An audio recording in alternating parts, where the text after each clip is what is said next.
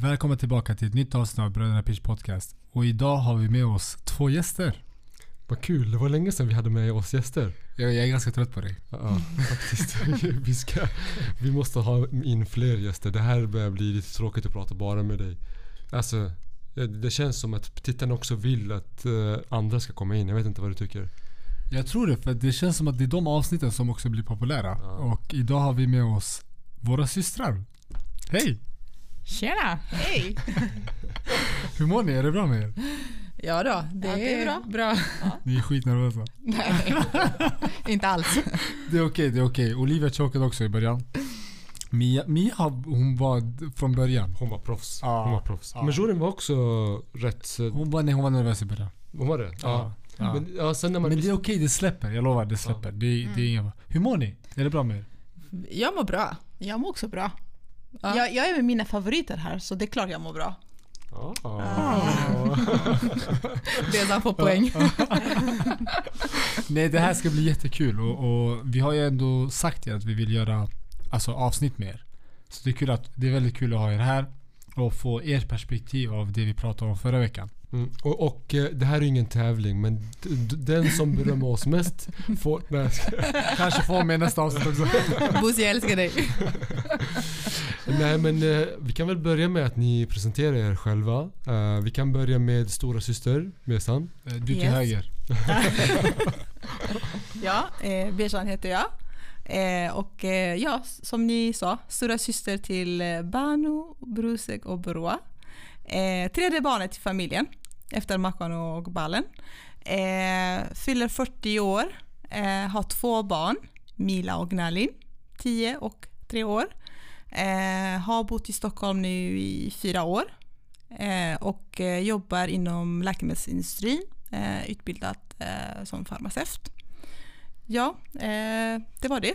Fyra år. Ja, Alltså tiden har gått snabbt. ja. Jag, när du sa fyra jag bara va? Har det Det gått känns som att hon jobbat där typ två år. Jag svär. Ja, Det har gått ja. riktigt snabbt. Ja, riktigt snabbt verkligen. Ja. Man känner inte av tiden. Men det, jag tror det är bara för att vi har haft så roligt eh, sen vi har flyttat hit så man Ja. märker inte av tiden. Ja det stämmer. Ja. Vi tar hon till vänster. Vem är du? Vem är jag? Eh, ja, jag är lilla syster då i familjen, men era stora syster. Eh, Bano heter jag eh, och eh, jag är 37 år gammal och jag har bott här i tre år i Stockholm. Tidigare bodde jag i Göteborg, som ni känner till, ni här inne i studion. utbildad apotekare och jobbar också inom läkemedelsindustrin. Eh, har två tjejer, tioåring och femåring. Ja, och eh, ja, jag, jag instämmer. Tiden har gått väldigt fort här i Stockholm. Eh, och vi har haft så kul tillsammans med familjen. Och shoutout till eh, Mila och Veni. Ja, precis. De ville ha en shoutout. Du fick dem. Alla ni miljontals lyssnare, nu vet ni. ja, nu är ni pop- eh, populära ska jag säga. Exakt. Men vet du, vi... Vad var det jag tänkte säga? Just det. Så du flyttade hit för fyra år sedan? Ja, Ja, ja. ja. Och du bestämde dig för att flytta hit ett år efter? Ja, jag, följer, ju, jag följer efter syrran. Nej, men jag har alltid eh, bott med syrran. Eh, inte i kanske i samma hushåll, men eh, Mm.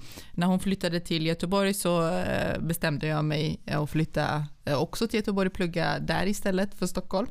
Eh, och sen när hon flyttade från Göteborg så kände jag nej, jag, jag klarar nog inte livet här ensam. Eh, och eh, vi bestämde då med familjen att flytta eh, ett år efter. Så man kan säga att eh, du har en favorit i familjen. Eh, Det kan man säga. Du har ju, obvious? bara ett år har du bott utan mig. Ja, exakt. Och då, då, då hälsar hon på kanske en gång och jag hälsar på två gånger. Ja. Ja. ja, det stämmer. Eh, nej men eh, alltså, ja, hon är ju min enda syster. Mm. Och du är min enda syster. Men det, ja, det är jättekul och, och, och som sagt det är jättekul att ha er här. Och idag ska vi prata om, om kulturkrock. Som vi, vi gick igenom det förra veckan. Och alltså ni har ju ett annat perspektiv eftersom att först och främst så Alltså ni är lite äldre än oss. Och eh, ni var lite äldre än oss när vi, alltså Akibano lite Det är ju inte så mycket mellan dig och Bruce. Det är något, något år. Mellan, men Bejan du är lite äldre än oss Mm, alla. Precis, stämmer bra. Och, och ni båda är ju, ni är kvinnor. Så Mm. ni kommer ju ha, ni kommer ju med ett helt annat perspektiv och, Mm. och liksom ha andra synpunkter än vad, vad vi har kanske. Mm. Så jag tänkte, hur, alltså, kan ni förklara hur det är att vara svensk för er? eh, Med invandrarbakgrund. Med, som, som kvinna. Ska jag börja? Ja, du kan börja. Eh, ja, det är... ehm, jag tror man kommer in i rollen ju äldre man blir. Men det var väldigt eh, tufft i början. Eh, och speciellt att bestämma, att komma in i karriären, börja jobba, hitta sin väg. Eh, hur ska man identifiera sig själv? Är man svensk? Är man kurd? Uh, hur ska man gå tillvägar? Vem ska man lyssna på? Är det familjen man ska liksom hela tiden lyssna på och göra uh, nöjd? Eller är det liksom samhället och det svenska samhället man ska liksom gå efter och, och, och ehm, göra dem pleased? Alltså att, att du med dina kunskaper och, och vad du gör är... Det, det där är väldigt intressant för det där är någonting som jag och Bruce inte har pratat om och som vi inte tog upp. Mm. Att, att men ska jag göra familjen nöjd Mm. eller ska jag göra det svenska samhället nöjd? Mm. Och det känns som att det är någonting som kvinna, som det är någonting som är väldigt essentiellt i, i, ett, alltså i en invandrarbakgrund. När du har en invandrarbakgrund. Mm. Ska man göra familjen nöjd eller ska man göra samhället nöjd? Och att man hamnar lite i kläm där. Mm. Kan du inte förklara lite mer om det? Alltså kan du inte berätta lite mer om det? Vad du menar med det? Nej, men jag, jag och Besan pratade faktiskt innan idag och, och, och pratade väldigt mycket hur, hur stor press det är faktiskt på, på invandrare kvinnor eh, från både familjens sida som ställer ständigt krav på dig att du ska vara, ja, men du ska följa kulturen, du ska eh, inte skämma eh, ut familjen, du ska göra vissa saker för att hela tiden vara den kvinnan som familjen att du vill att du ska vara. Eh, samtidigt så har man ju den här viljan att visa sig, klättra upp i karri- karriären, men det kanske inte alltid överensstämmer med vad kulturen har för krav på dig. Eh, så det har ju alltid varit eh, en utmaning måste jag säga för min del och jag vet att Bezan har känt samma sak att vi ska hela tiden eh, göra alla nöjda men det blir ju en stor press på dig till slut och, och du kanske drabbas väldigt mycket psykiskt eh, och har svårt att hitta dig själv. Vad är det egentligen du vill? Eh, så du kommer alltid i kläm, eh, tror jag. Så har jag känt mig i alla fall. Och eh, vet du, det här med att ni inte kommer först. Hur mycket tror ni alltså, att det har påverkat er? Att ni liksom har behövt ja, men, tänka på familjen, samhället, men inte er själva så mycket. Mm. Men vi kan, vi kan, vi kan också, eh, du kan ju ge perspektiv på eh, första frågan eh, som Bora ställde. Hur, Mm. hur, hur är det, Mm. och nu pratar jag med Besan då. Hur, hur är det som invandrarbakgrund? Hon till höger. Eh, Ja, eh, men det som, eh, det, det, det som Banu sa, eh, det är ganska stor press eh, både från familjen och samhället. Eh, Och det är liksom psykiskt, man, man mår inte bra faktiskt av, av att ha så mycket press. Det, dels att liksom, speciellt om man har också haft en roll i familjen som stora syster jag har haft då, liksom den rollen. Och plus att, att hela tiden försöka eh, göra pappa och, mamma, pappa och mamma nöjda eh, och ha den pressen från dem. För att pressen var ju liksom att, att du ska utbilda dig, du ska liksom gå vidare med utbildningen. Men samtidigt, du måste vara där för oss. Du måste vara där för dina syskon. Eh, när vi behöver hjälp så kommer vi i första hand. Och det var jättesvårt att hitta hela tiden den balansen. Och samtidigt så hade man också ett jobb sidan om. Att man försökte liksom, ja, tjäna sina egna pengar för att kunna ta ett körkort till exempel.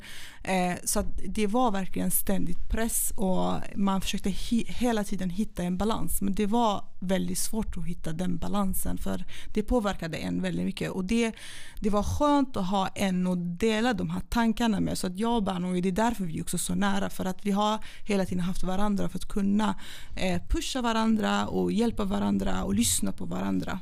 Får jag, får jag flika in här? Mm. Okej, ehm, den här eh, pressen som du pratar om. Mm. På vilket sätt ehm, påverkar det dig psykiskt? Alltså vad är det som, hur, eh, vad är det för effekter den visar sig på dig? Kan, kan, du, kan Mm. du se det på dig själv? Kan andra se det på dig?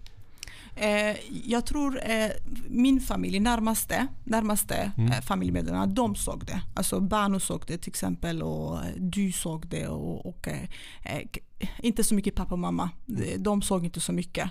För, för de trodde att det, det är liksom, allt går verkligen jättebra för oss. Eh, så att eh, jag, när jag tänker efter så det har varit ganska mycket ångest man har haft hela tiden. Man har haft ångest för allt. För att bara kunna prestera och för att kunna liksom hela tiden klara sig och att, eh, att man liksom, eh, ja de utmaningar som man har satt för sig själv. Så att ångesten har funnits där hela tiden. Jag tror det är liksom nu de senaste Eh, åren när jag liksom går in i det här 40-årsåldern. Jag börjar liksom hitta verkligen en ett balans i livet och liksom hitta mig själv och kanske släppa av den här ångesten man har haft hela tiden. Man har gått runt och bärt på det här. Det har varit så tungt. Och speciellt för att, eh, att jag har varit stora syster i familjen. Jag har haft helt annan roll jämfört med er då till exempel. Eh, att där liksom skulle hela tiden vara där för pappa och mamma speciellt. Mm. Så jag vet inte om det var svar på frågan. Jo, eh, om, om, om Bano flikar in där och eh, berätta om den här pressen, hur den påverkar dig som kvinna.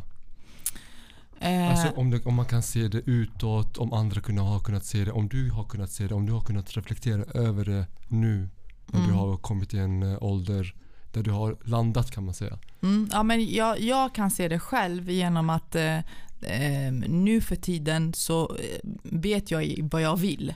Men jag tror om vi går tillbaka 15 år eh, i tiden, jag visste nog inte vad jag ville. Jag, jag ville ju bara göra alla nöjda.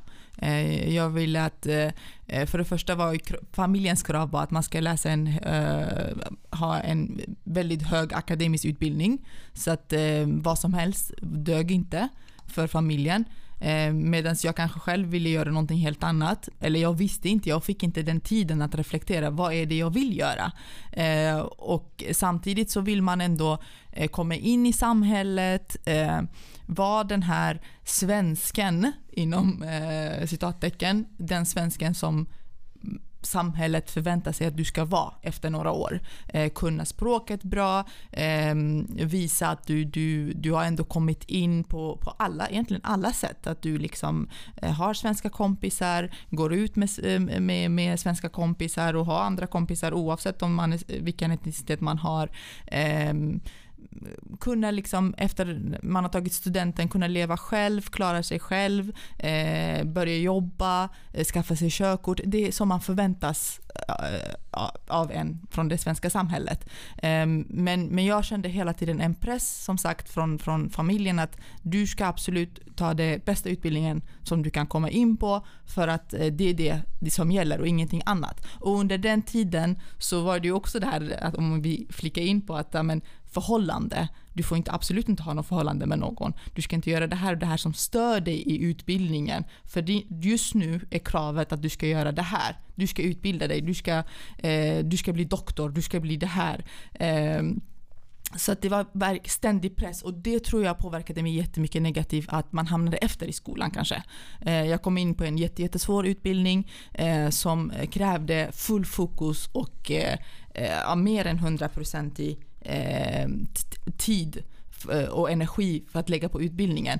Och med den här pressen som man har hela tiden haft med sig tror jag gjorde så att man hamnade efter. Man visste inte vad, det, vad är prioritet här? Vad ska jag göra? Är det utbildningen jag ska fokusera på? Är det mig själv? Du är ändå eh, ganska skär, eh, precis kommit ut från tonåren.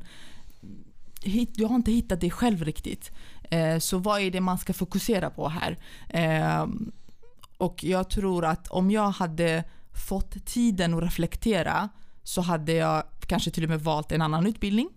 Eh, gjort nor- någonting annat efter gymnasiet i några år, kanske rest lite, men det var ju absolut förbjudet att få, få oss med Jobesan eh, resa som bara två tjejer ut i världen ensamma. Det, det är också sånt i våra kulturer, det är inte tillåtet eh, direkt. Men, men ehm, det psykologiska eh, aspekten av det hela också. Vad, hur var det? Alltså var det också som Besan sa, var det ångest? Var det depression? Var det stress? Alltså vad, vilken, vilken typ av eh, bieffekt hade Mm. det här, de här kraven från samhället och familjen? Mm. Ja, ångest skulle jag säga. Jag panikattacker. Jag, jag, hade, jag vet inte om ni vet om det, men som Broa har haft eh, lite panikattacker så har jag också haft det under, eh, ja, men från 20-årsåldern upp till 23-24 så hade jag väldigt många gånger panikattacker. Kan du berätta lite om det? Eh, ja, Första gången eh, första gången, det var ju mer ett, ett tryck på bröstet och eh, Ehm, man var, jag var otroligt ledsen. Men jag visste inte vad var det som gjorde mig ledsen. Utan jag hade, jag hade ont i bröstet, det var tungt att andas. Ehm, man kände sig svinfärdig. Jag tuppade av några gånger i, i, i dusch, alltså utanför duschen. Eh, var väldigt, väldigt svag. Eh, ett tag var jag väldigt, väldigt sjuk. Jag gick ner i vikt väldigt, väldigt mycket. Eh, jag kunde rasa ner i vikt 5-6 kilo och för ni som känner mig så var det väldigt mycket för min kropp. Eh, och var det, det var väldigt svårt att gå upp igen. Ehm, jag hade inte aptit, jag ville inte äta, jag, ville inte, jag tränade inte då heller. Eh, så det var, det var väldigt mycket psykiskt och väldigt stor press. Eh, och panikattackerna var... Det var, som, det var en känsla som att du, du... Det kändes som att man hamnade utanför sin kropp. Du hade ingen kontroll över din kropp överhuvudtaget. Och för att ta över den här kontrollen så var det liksom, all din kraft tog slut för att hitta tillbaka. Um, och eh, det kunde pågå amen, i, i, i, några minuter och ibland kunde det pågå lite längre än så. Um, jag tror Bevan till och med kallade på ambulans en gång för att hon trodde att jag hade hjärtinfarkt eller någonting. Eller fick hjärt, hjärtinfarkt. Och, och, och um, det här med att du fick de här psykologiska uh, effekterna av det hela. Tog du någon hjälp? Nej, ingenting. Nej. Det var inte ens på frågan. Nej. Vem skulle varför? prata med? Varför? Eh, Besan var min hjälp.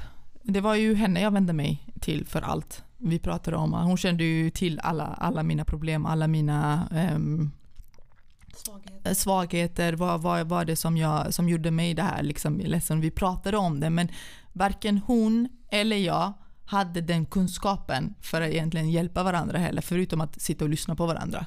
Ehm, Kan man säga att ni inte visste att man kunde söka professionell hjälp? Eller att liksom att... Förstår du vad jag menar? Nu, jag, jag visste att det fanns hjälp. Det Ja. var inte det. det. Jag visste att det fanns hjälp. Men jag, för det första visste man, jag, visste, jag var dålig på att veta liksom hur, hur går man tillväga. Mm. Och, och sen också att eh, eh, jag vill inte börja äta tabletter och, och bli beroende av någonting eh, som, som eh, skulle göra mig ännu svagare. Mm. Sen var det ju det här, det var väldigt tabu att prata om det hemma också. Eh, Ja, va, men va, sen åkte du åkte till ambulansen en gång. Eh, till, eh, Bano eh, eh, svimmade i duschen. Mm. Eh, för hon mådde så dåligt. Så jag kallade på ambulansen eh, och eh, de kom på en gång, de kom ganska omgående eh, när de hörde paniken i min röst. Och eh, när vi kom till eh, akuten, eh, när de fattade att det är något mer psykiskt så eh, de eh, skickade henne vidare till en, eh, den ja, psykiska avdelningen kan man säga. Och psykolog eh, kom in och pratade med henne men hon vägrade att berätta vad, varför hon mådde så dåligt. Hon sa att det är bara press från studierna. Så vi blev hemskickade. Och jag sa liksom, men eh, ska du inte liksom försöka lätta lite på det du har? Men hon, eh, hon ville inte det. Om, om, vi, om nu med det här perspektivet som du har nu Bano. mm. Eh, skulle du ta hjälp? Agera annorlunda. Ja. Absolut. Alltså, säg så här, om det här skulle drabba eh, min dotter så hade jag ju eh, gjort allt för att hon ska söka hjälp. Jag hade självklart skickat henne till en psykolog eller någon eh, psykoterapeut eller vad som helst. Och jag skulle själv också, om jag, om jag skulle må så här dåligt just nu så hade jag självklart tagit hjälp. Nu med all kunskap, både från att jag är farmaceut ehm, men också all kunskap och erfarenhet i livet, vad vi har gått igenom, allt efter det också. Eh, så skulle jag självklart utan tvekan söka hjälp eh, och prata med någon eh, som kan det här. Okej. Och, ehm, j- Jag vill ehm, backa bandet lite för nu har ni pratat om egentligen, för jag känner er lite bättre. Ni pratar om typ 20-årsåldern och uppåt. Mm. Det ni har pratat om. Jag vill backa bandet till eh, där, där, förlåt vad sa du? Innan vi backar bandet, kan inte Bejan berätta? Du till höger. Mm. Kan inte du berätta lite om vad du, alltså nu har vi ändå pratat om Bano och vad hon har Ja. gått igenom. Ja. Alltså var det frid och fröjd för dig eller? Nej, du, du absolut mådde inte. jättebra. Du, Nej, du, eh, jag tror Banu vet inte ens det. Jag hade också mina panik och äh, ångestattacker. Eh, och, ja. och, eh, det började när jag, så fort jag satte mig ner för att plugga, då kom, började de komma. Och jag trodde först att eh, har jag fått astma? Så tänkte jag. Har jag fått astma? Är det symptom för astma? Eh, så det blev flera gånger upprepat och eh, sen hörde jag av mig till vårdcentralen. Vad var det för något? Eh, Nej men alltså det var som, precis som Bano beskrev att jag Det var så tungt, alltså det var som att man hade typ tusen kilo på bröstet att man kunde inte liksom andas. Det var så svårt att andas. Eh, och jag fick liksom alltid gå upp och öppna fönstret. Jag trodde det var liksom Jag kände att det var slut på syre i rummet alltså. Så, så, så kände jag. Så jag gick upp alltid och öppnade fönster och fattade inte vad hände med mig. Eh, och tills jag liksom sökte vårdcentralen och eh, läkaren sa det här är inte astma du har. Du har panikångestattacker du har. Eh, du bör söka psykolog för det här. Eh, men precis som Bano, jag, jag sket i det där. Eh, men det gjorde att jag kom efter med mina studier väldigt mycket. För att eh, jag slutade att tro på mig själv. Jag slutade liksom känna att det här kommer gå i sin väg och sådär. Eh, så det tog ett tag tills man började liksom ta igen studierna och så det var ganska, det var ett, ett år som var väldigt tufft och det, det var exakt samma år som Bano också hade sina panikångestattacker. eh, det här är ju ny information för oss. Ja, ja, vi visste lite grann. Men inte så här mycket. ja, men, eh, jag visste eh, om eh, Banos eh, Mm. Problem med eh, svimningar och sådär, det, det visste vi.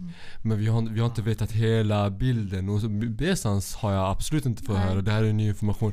Så vi känner ju oss som eh, väldigt dåliga syskon. Alltså jag ska vara jag var ganska liten. Eh, det här är familjeterapi så jag känner mig dålig. Nej, absolut absolut inte. inte. Du, nej men grejen också, det, det som är så... Till exempel, ni har ju inte, alltså, ni har inte delat med er. nej, nej, Och- nej, det har vi inte. Och, och man ja. blir ju så bra, jag märkte i alla fall att jag blev så bra på att dölja när jag mådde Exakt. dåligt. ja, ja. Jag visste hur jag skulle vara när jag var med vissa Ja. personer, förstår Mm. du? Mm. Och, och jag, jag antar att ni också blev så. Exakt, ja.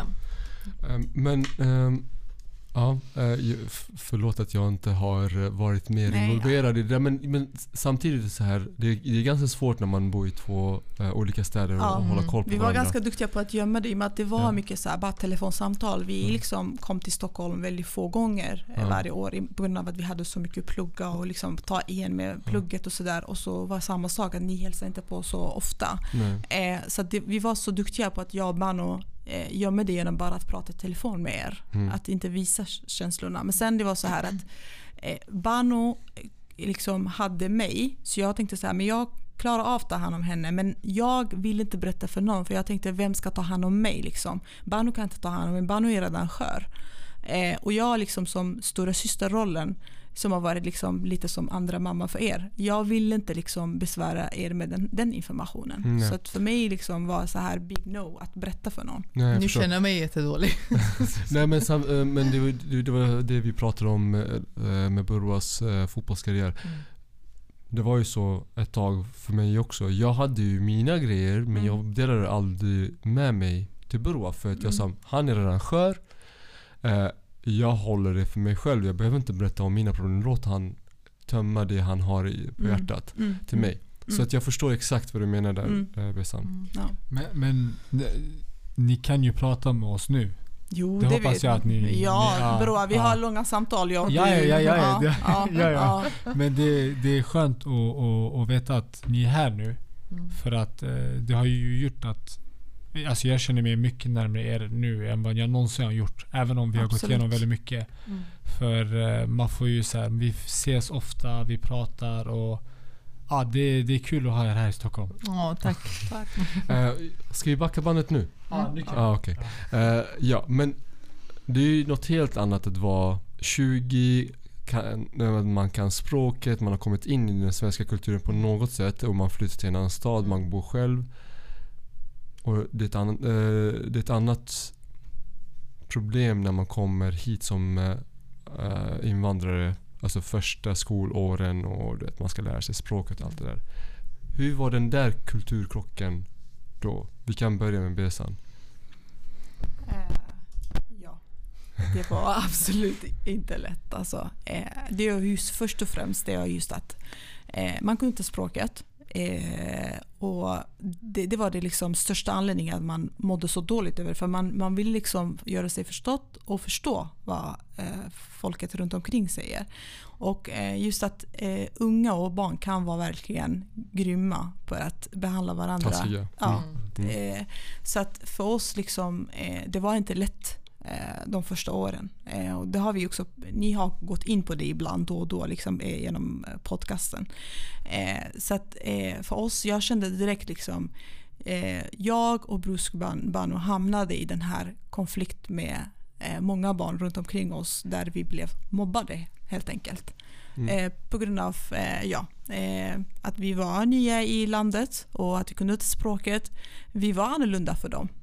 Så att eh, det, gjorde så att man mådde dåligt ständigt. Man kom hem och mådde dåligt. Eh, man gick tillbaka till skolan och mådde dåligt. Så att det var så svårt eh, att klara vardagen varje dag. Och, och, och um, förlåt bra. Um, Okej, du mådde dåligt. Mm. Du hade kommit och, och folk var taskiga. Mm. Men på vilket sätt? Alltså vad var det, hur, hur mådde du? Vad var det som var så jobbigt?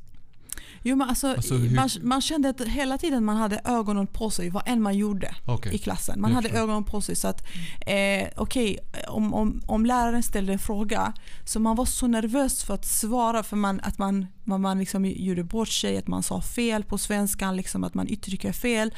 Så man, man bara okej, nu kommer alla skratta åt mig. Nu kommer alla liksom sitta där och vänta på vad jag har att säga. Eh, och samtidigt, eh, i, och med att i, i rollen där jag var stora syster när jag kom hem och hörde hur Bano har haft det och du har haft det det, är liksom, det gjorde ont i hjärtat. Så att, eh, oftast gjorde det så att jag glömde mig själv.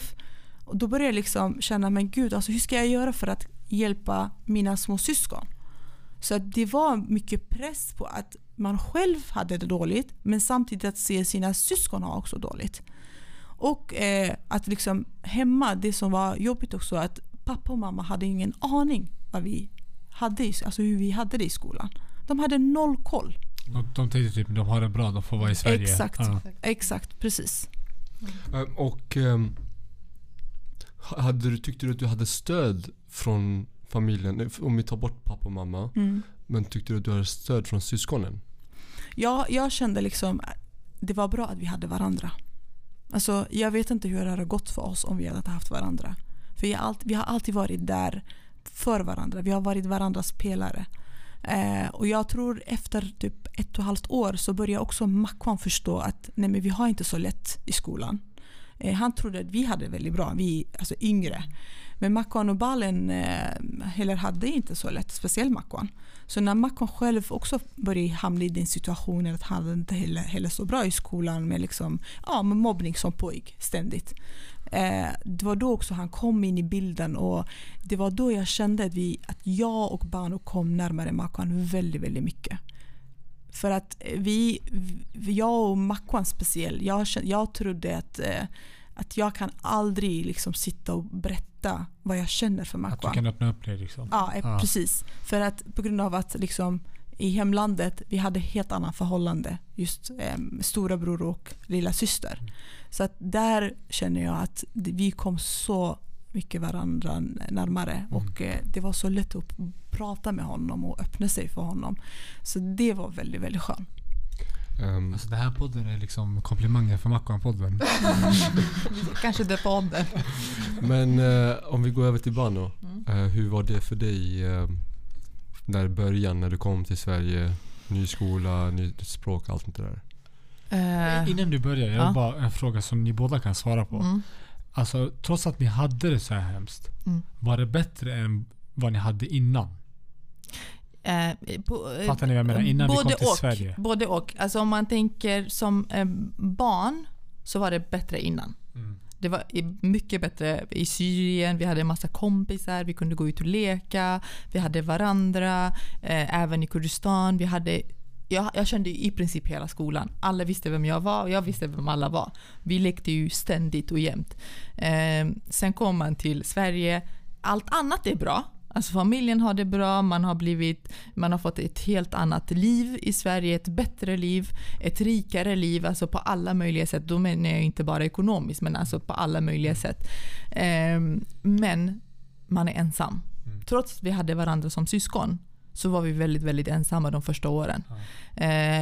Och det, det saknade jag som mest. Jag saknade verkligen. För vi kom ju hit precis innan eh, sommarlovet, eh, 98. Och då, då hade vi, vi gick ut, vi hade jättekul, vi, vi eh, explorerade liksom staden, vi forskade Smedby, vi kollade liksom vad fotbollsbanorna, allt, allt. Vi var verkligen, vi hade jättekul den sommaren och det var ju perfekt väder också. Eh, sen kom ju eh, skolan startade och då fick både jag och Brusek en chock. För vi, gick ju, vi började ju tillsammans. Och jag tror att vi pratade om, eh, alltså om för mig och båda, både mig och dig, eh, när vi, vi trodde ju, vi hade en helt annan bild på skolan. Att vi ska gå in i skolan, alla barnen skulle komma och vilja vara, vara vän med oss. Men det gick en dag, en vecka, två veckor, en månad, två månader, sex månader. Inte en enda ville leka med oss. Vi hade bara varandra. Och det var en chock. För att vi har ju gått i skolan tidigare, både i Syrien men också i Kurdistan, där alla barn är så snälla. Eh, så fort någon ny i klassen kommer, då går ju alla vill ju verkligen lära känna den här, det här barnet och gör allt för det här barnet ska trivas i klassen. Så har vi haft det tidigare. Och så kommer man eh, till Sverige, det landet som man har verkligen jättestora förväntningar på. Och så kommer man in i en klass, inte en enda vill vara kompis med dig. Alla tittar konstigt på dig. Eh, det, det var lite så här när vi hörde talas om, jag kommer ihåg faktiskt när vi pratade om mobbning för första gången. Mm. Jag tror det, det var första året. Ja. Vi, pratade om, vi, vi förstod inte innebörden av... Jag, Exakt. jag, jag kommer ihåg, jag Ja. förstod inte inne, innebörden Mm. av mobbning. För jag, av det jag kommer ihåg från Kurdistan och Syrien, det fanns inte mobbning. Det hade aldrig inträffat. Nej, nej, vi hade konflikter med andra grupper som Mm. vi inte kände från typ andra gator Mm. eller typ andra skolor Mm. och sådär. Då, då var man i tjafs med Mm. dem. Men det fanns inte den här typiska mobbningen som Mm. finns här i Sverige. Mm. Där man går i samma skola och Mm. alla mobbar en person. Eller Mm. så. Jag förstod inte det, det konceptet. Jag bara, hur kan det vara så? Exakt, och det här grupptrycket också. Att om en börjar så börjar alla. Det var verkligen en dominoeffekt. Liksom. Men Kan du, kan, du inte, kan du ge ett exempel på hur, hur du kunde bli mobbad? Alltså hur, du, hur det blev så att du liksom... Eh, ja, men alltså I början så var det ju mer att eh, man märkte ju ganska eh, snart att, att eh, de här eh, barnen var ju kompisar sedan förskolan. Mm. Det var verkligen väldigt, alltså det var grupperingar. Så alla var väldigt tajta med varandra. Och då var det så här, okej vem, ska jag, vem ska jag välja? Vilken grupp ska jag komma in i? Och, och man försökte liksom komma in, ja men de här ser snälla ut. Ja, men vi kan säga några ord till varandra. Men sen när man pratade, eftersom man kunde ju inte svenska så bra, då, blev, då tog det slut. Alltså efter några meningar. Men, och, och där tog det också slut för, för eh, de här tjejerna som man lekte med, att ja, men då ville de inte försöka mer. Då var det liksom, ja. Och eh, det som jag tyckte var väldigt, väldigt konstigt är att vissa dagar så var mm, någon tjej som kom fram och var jättetrevlig. Nästa dag hälsade hon knappt på dig. Och för mig var det helt ofattbart. Har det förändrats nu när du är vuxen? Det har inte förändrats nu när du är vuxen eller? Ibland märker jag det fortfarande. Alltså det, det, det är verkligen jättekonstigt alltså i dagens samhälle eller i det svenska samhället om man får Det uttrycka det, lät så. som att ni var ute och ni hade druckit. Ja, så hon, hade. Hon hon vågade komma allt. fram. Nej men eh, jag, jag kommer ihåg väldigt tydligt i sexan så var det en tjej och jag, jag var så glad den dagen för hon verkligen pratade med mig. Frågade massor. Och vad heter du? Var kommer du ifrån? Hur gammal är du? Hur många syskon har du? Vad gillar du? Intressen? Vi pratade om allt med den lilla eh, eh, kunskapen av språket jag hade. Dagen efter så går jag fram till henne och säger hej! Nu vill jag inte nämna några namn här men Shit, bara häng ut henne. hon bara gick därifrån. Nej men hon bara gick därifrån. Alltså typ, jag känner inte dig. Du ska inte hälsa på mig. Och det hände flera gånger. Så det var väldigt, väldigt konstigt. Bara, vad har jag gjort? Står det någonting på min panna? Eller är det någonting med mig som gör så att folk springer ifrån dig? Eh, och det här bara eskalerade. Alltså det blev bara värre och värre. Eh, sen hände ju några några grejer emellan och, och, och till slut så, så eh, i sjuan så bytte jag klass. Mm. Och när jag bytte klass så, så, så blev det ju bättre såklart. Eh, men där var också det här liksom. Familjen ville ju att du skulle vara kompis med vissa krav. Mm. Att du skulle ha en kompis med de här kraven. Mm. Jag, min enda önskan var att jag skulle ha en kompis. Eh, inga krav, en kompis. Mm. Det skulle vara som helst, det spelar ingen roll. Mm. Bara någon som skulle få mig få det här ensamheten ta slut på. Liksom. Eh, men var, mm, som ni kommer ihåg så var det vissa krav. Det får liksom inte vara ute sent, du får inte göra det här, du får inte göra det här, den kompisen får inte göra det här. Då blir det svårt att skaffa vänner. Då blir det väldigt, väldigt svårt att skaffa vänner och komma in i samhället. Så det gjorde ju också att, att eh, det, det gjorde inte saken lättare helt enkelt. Ja, där, är, där är det ju riktig krock. Ja. ja. Där är det verkligen krock. Mm. Eh, många föräldrar blir ju väldigt, väldigt glada om, om barnet kommer och säger jag har en kompis, jag och min bästa kompis heter så här. Då blir man nyfiken och så.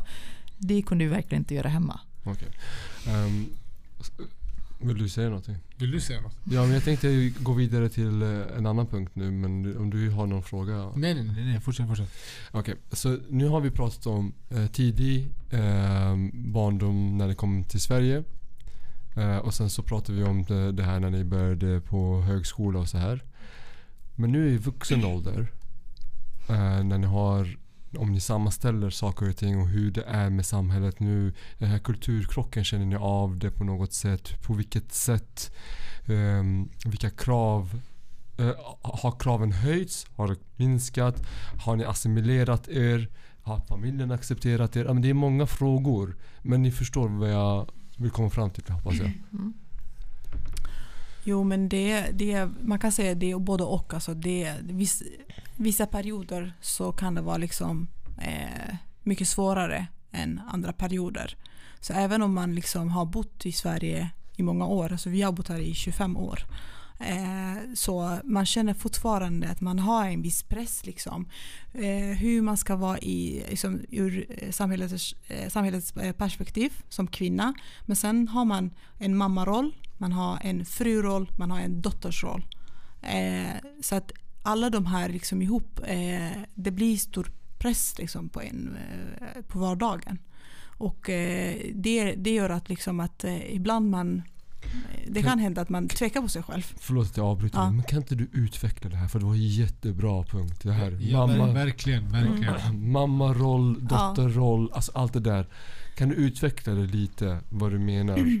Ja, alltså eh, som mammaroll så, så har man ständigt eh, den här kraven på sig själv att vara den bästa mamman. Att man ska alltid vara där för sina barn. Att man ska ha koll på varenda detalj i, i deras liv. Och det gör att liksom, alltså en mammaroll det är liksom 100% eh, tjänst om man säger så. Det är dygnet runt liksom. Det, det, det finns inga undantag. Eh, oavsett hur du har det på jobbet, eh, hur du själv mår så är det liksom 100% eh, det ska vara så här att du ska vara där Tillgänglig. tillgängligt. Mm. Eh, sen kommer eh, det här eh, frurollen också. Att du ska liksom, eh, när, eh, liksom, du ska vara trevlig mot, mot din man. Du ska liksom försöka vara där för, för honom också och förstå hur han har det. Och ha den här konversationen då och då med honom. Liksom, utbyta ja, utbyta liksom ord med varandra, hur man har det tillsammans. Alltså som man och fru eh, till exempel. Eh, sen kommer den här dotterrollen. Eh, och där tycker jag att jag och Banu har väldigt höga krav liksom, på oss. Ständigt, ständigt. Det är dagligen. Alltså det är dagligen samtal från pappa och mamma. Som, det finns alltid något att vi ska göra. Vi ska hjälpa dem med något. Det är liksom varje dag, ständigt. Eh, det kan vara att liksom deras sjukhusbesök, det kan vara något i hemmet som har gått sönder, det kan vara att eh, de behöver hjälp med någonting, kanske att eh, köpa till Man kan ju hemmet. tro att de har ett företag värderat till 100 miljoner dollar. Ja, exakt. exakt. Ja, så att, eh, och det, det gör det inte heller lättare att, att pappa är sjuk och har eh, flera olika läkemedel som han ständigt behöver hjälp och liksom fråga och sådär.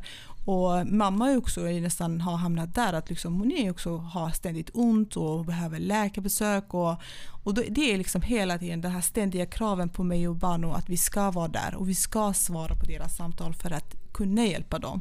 Och det här är ju nackdelen med att de inte har eh, assimilerats på, Exakt. på ett bra Exakt. sätt. Exakt. Det är att eh, bördan och Ja. jobbet hamnar på ja, men främst dig och Bano om Ja. vi ska vara helt Ja. ärliga. Jag kommer inte stå och säga jag gör Ja. lika mycket som er. Ja. Det Mackan säger att Ja. han... Ma- Ma- Mackan kommer förmodligen säga jag är mer Ja, än. Vi ger honom lite negativ feedback. Men Mackan man tror att måste han gör mycket. och ge.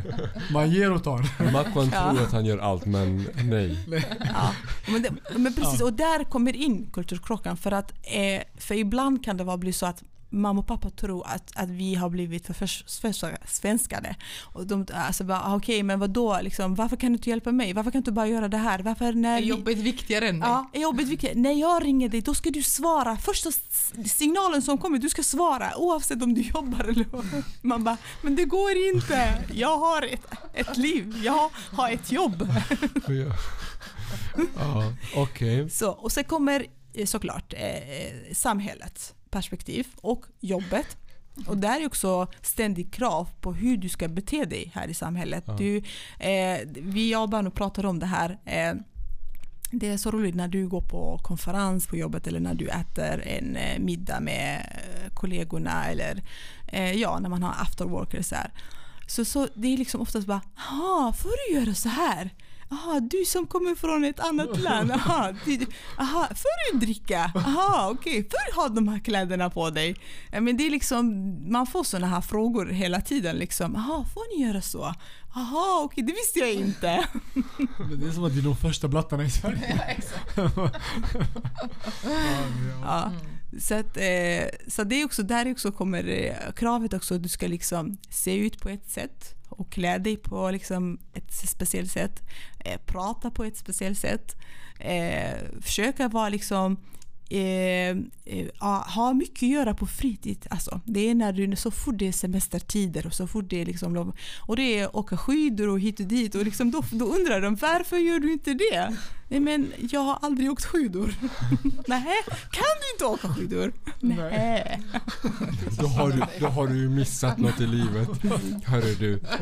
Du borde åka med oss nästa år. Ja. Nej men så här. ehm, det här med att, ehm, att det blir chock för dem. Jag tycker ibland kan man göra lite prank. Man kommer dit med sjal, dricker lite vin. Va? Får du göra det? Det är skitkul. Jag tror det hade varit eh, lite så här chockerande för dem. Fast gör inte det. Nej, Gör inte. jag ska inte det. Ja. Ja. Men eh, eh, okej, Bano. Mm. Om du reflekterar över det som eh, Besan har pratat om. Eh, ja, men jag håller mycket med det Besan har sagt. Eh, vi har, jag, jag lyssnade på er förra, förra avsnitt och då pratade ni mycket om, om vad förväntas av er män, invandrarmän. Eh, och eh, Jättebra att du tog upp det för jag ville ta upp det där. Ja, Ja. exakt. Och, och, och jag, jag håller inte med riktigt av det du sa. Att det är, att du tror att det är större krav på invandrarmän jämfört med en invandrarkvinna. Jag, jag, jag, får jag bara Ja. inflika? Mm. Jag tror att vi pratar om olika grejer. Alltså jag tror att... Låt henne förklara. Ja, Ja, fortsätt. jag ska förklara. Ja. Jag ska förklara. Jag tror att vi, eh, som en invandrarkvinna, eh, kvinna, så har du otroligt press på dig just att visa dig att du är assimilerad, att du beter dig som en svensk i samhället. Samtidigt så måste du visa dig att du är duglig som kvinna. Och det har vi gjort hela tiden. Vi hela tiden, ständigt måste bevisa att vi kan som kvinna. Att om jag får ett jobb, jag ska göra minst lika bra jobb som en eh, antingen svensk manlig kollega men också som en, en, en eh, invandrare eh, manlig kollega. Så att eh, bara att du är kvinna är det redan svårt och tufft att komma in. Men också att du har den här invandrarbakgrunden. Att eh, många, må, jag har fått alltid den här kommentaren, men, eh, ja, men du kan ju perfekt svenska. Ja, jag, jag, jag har ju varit här sedan jag var 12 år. Jag kan, men gör du minsta lilla fel, vilket kan svenskar också göra, med både en och ett eller eh, ja, men något ord som du inte uttalade rätt. Eller, det har jag hört många gånger att svenskar har gjort också. Direkt blir det en, en, en stor grej av det. Och, och det, det känner man av direkt, bara, men du är inte svensk. Du sa det här fel. Eller att eh, Ehm, alltså man, man får väldigt mycket, man har mycket press på sig, man har ögonen på sig hela tiden i det eh, i yrkeslivet också. Ehm, du, ska, du ska klä dig som, på ett visst sätt som Betan säger. Du ska vara professionell. Eh, du ska vara tillgänglig hela tiden. Du ska prestera på topp. För eh, du, du, du ska kanske inte... För är det så också att du vabbar lite mer, om de får reda på att du vabbar mer än din man, då kan de direkt skylla på kulturen. Aha, okej, okay, din man hjälper inte dig. Eh, det har inte med saken att göra egentligen ibland. Men, men eh, det blir direkt den här kulturkrocken igen. Eh, eller att du är föräldraledig, din man kan inte ta föräldraledighet. Det påverkar också din karriär.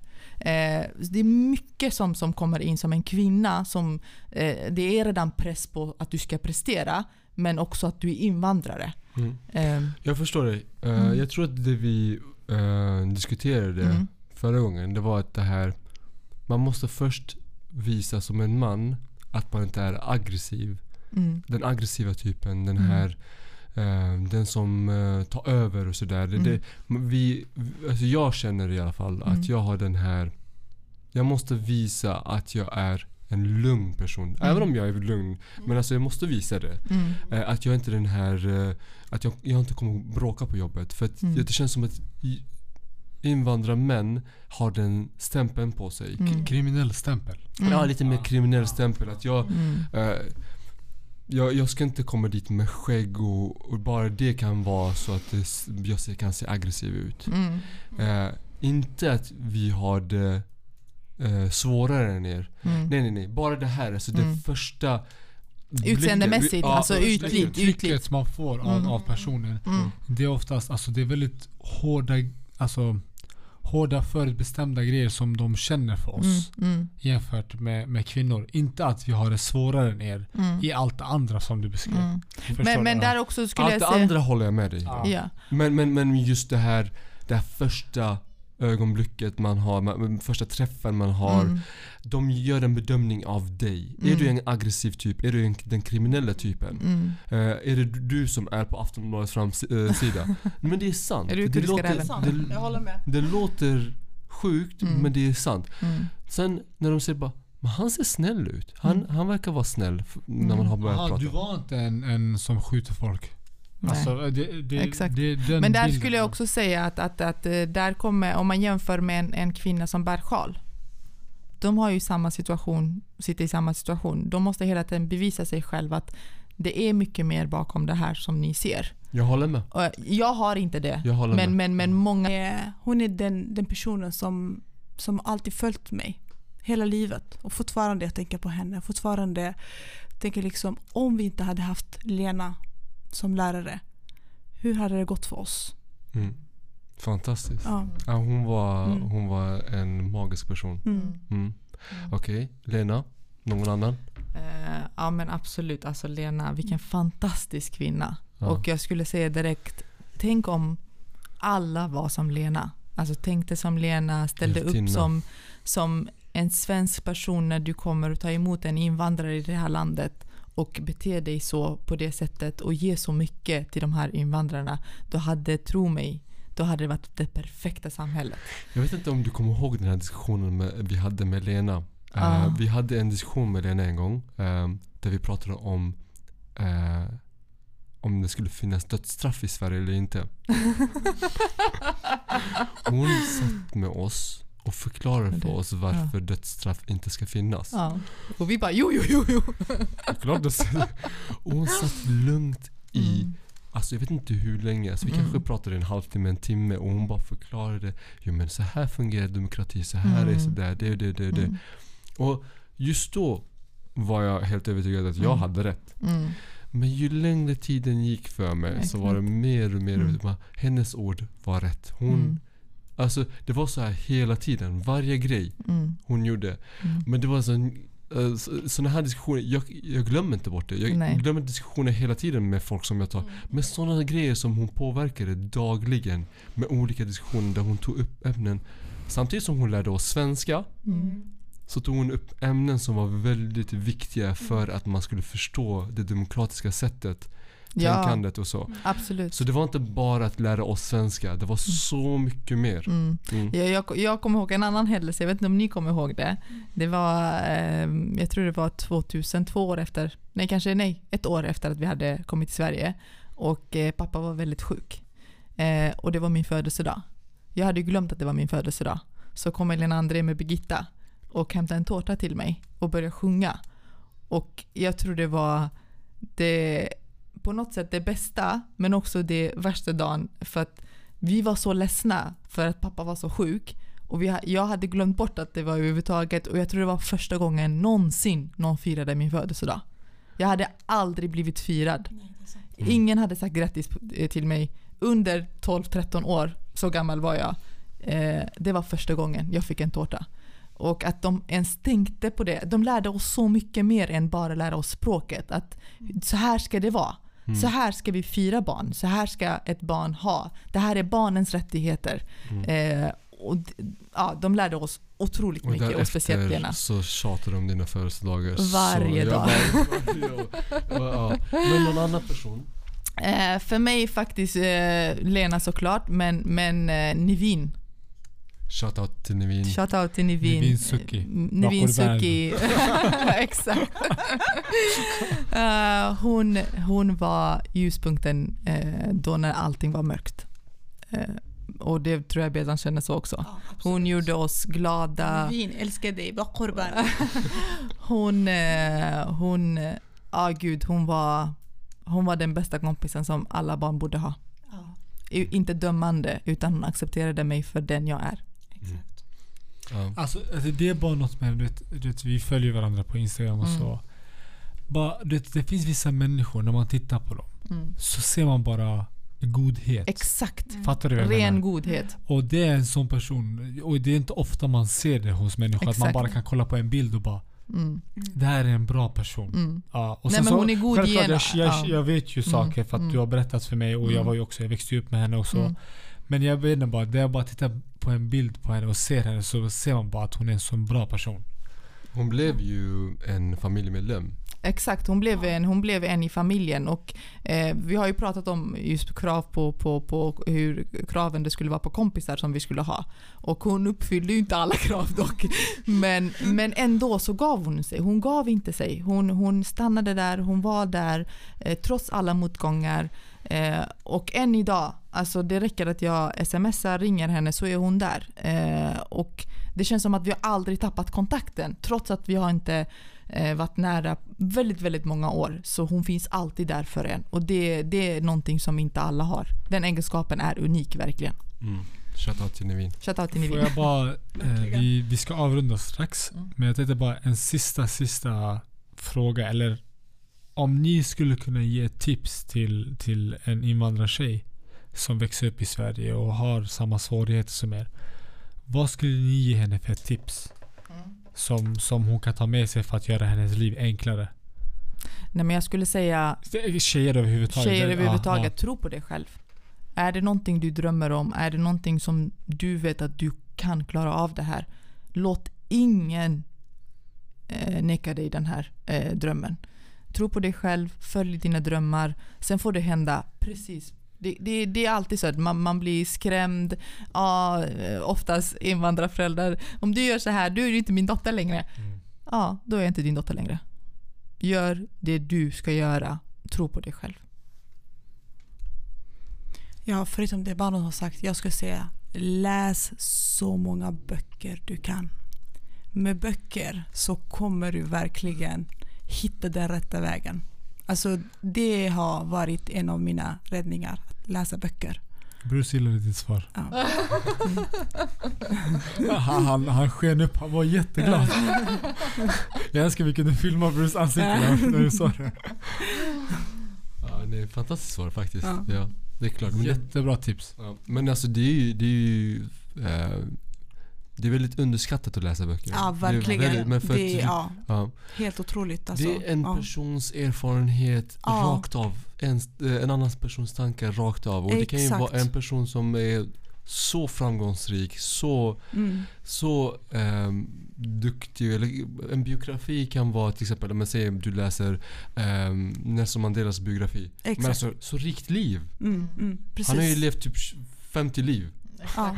Du får så många perspektiv Ja. just med sån här självbiografi. Du liksom hela tiden du lär dig, okej, Kolla hur han hade det, kolla hur hon, hade det. Hon klarar sig. Hon gjorde det här, hon gjorde liksom, klarar sig genom livet. Och det är liksom hela tiden, den får dig på de här positiva tankarna att du kan kämpa. Du kan liksom gå framåt.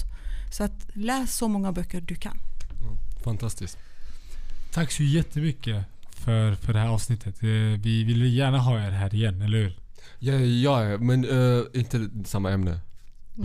nej, nej, nej, nej. Något, något annat. Men det var jättekul att ha er här. Ja. Tack för att ni kom. Tack det så var jättemycket för att vi fick komma. Och jag ska säga så här, jag är en stor, stor fan av er. Det, era poddar är otroliga och jättekul att få vara del av det här. Ja, Samma som Baron sa, alltså stort tack för att jag fick vara med här. Och eh, jag är verkligen stolt stora syster som har så fantastiska bröder och som är så smarta och så duktiga, så framgångsrika. Så tack, tack. Älskar Men er fortsätt, verkligen. fortsätt. Jag det är framgångsrikt, men tack så jättemycket.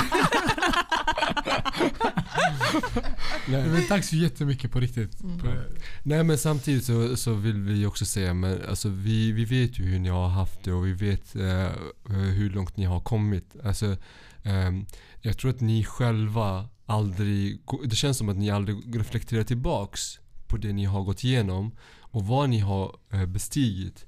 Ni har bestigit flera Mount Everest utan att tänka på det själva. Psykologiskt, fysiskt, allt det där. Så att eh, jag, jag tycker att ni verkligen ska stanna upp, reflektera tillbaks och uppskatta era liv för att ni har uppnått så mycket trots så många hinder. Det är få personer som jag beundrar som er. Verkligen. Tack. så mycket. Jag, och jag växte upp och ha, hade Doa som min idol men det slutade vara så. Nej men alltså jag, som, som Bruce sa, jag, jag beundrar er två jättemycket och när jag blivit äldre och förstått liksom vad ni har gått igenom och, och vad ni har tagit er igenom så jag beundrar er otroligt mycket, precis som Bruce. Alltså ni är mina, ni är mina förebilder. Ja. Tack. Tack detsamma. Tack detsamma bakom. Ja men eh, då avrundar vi nu. Ja, tack så jättemycket för den här gången och vi ses nästa vecka. Ja.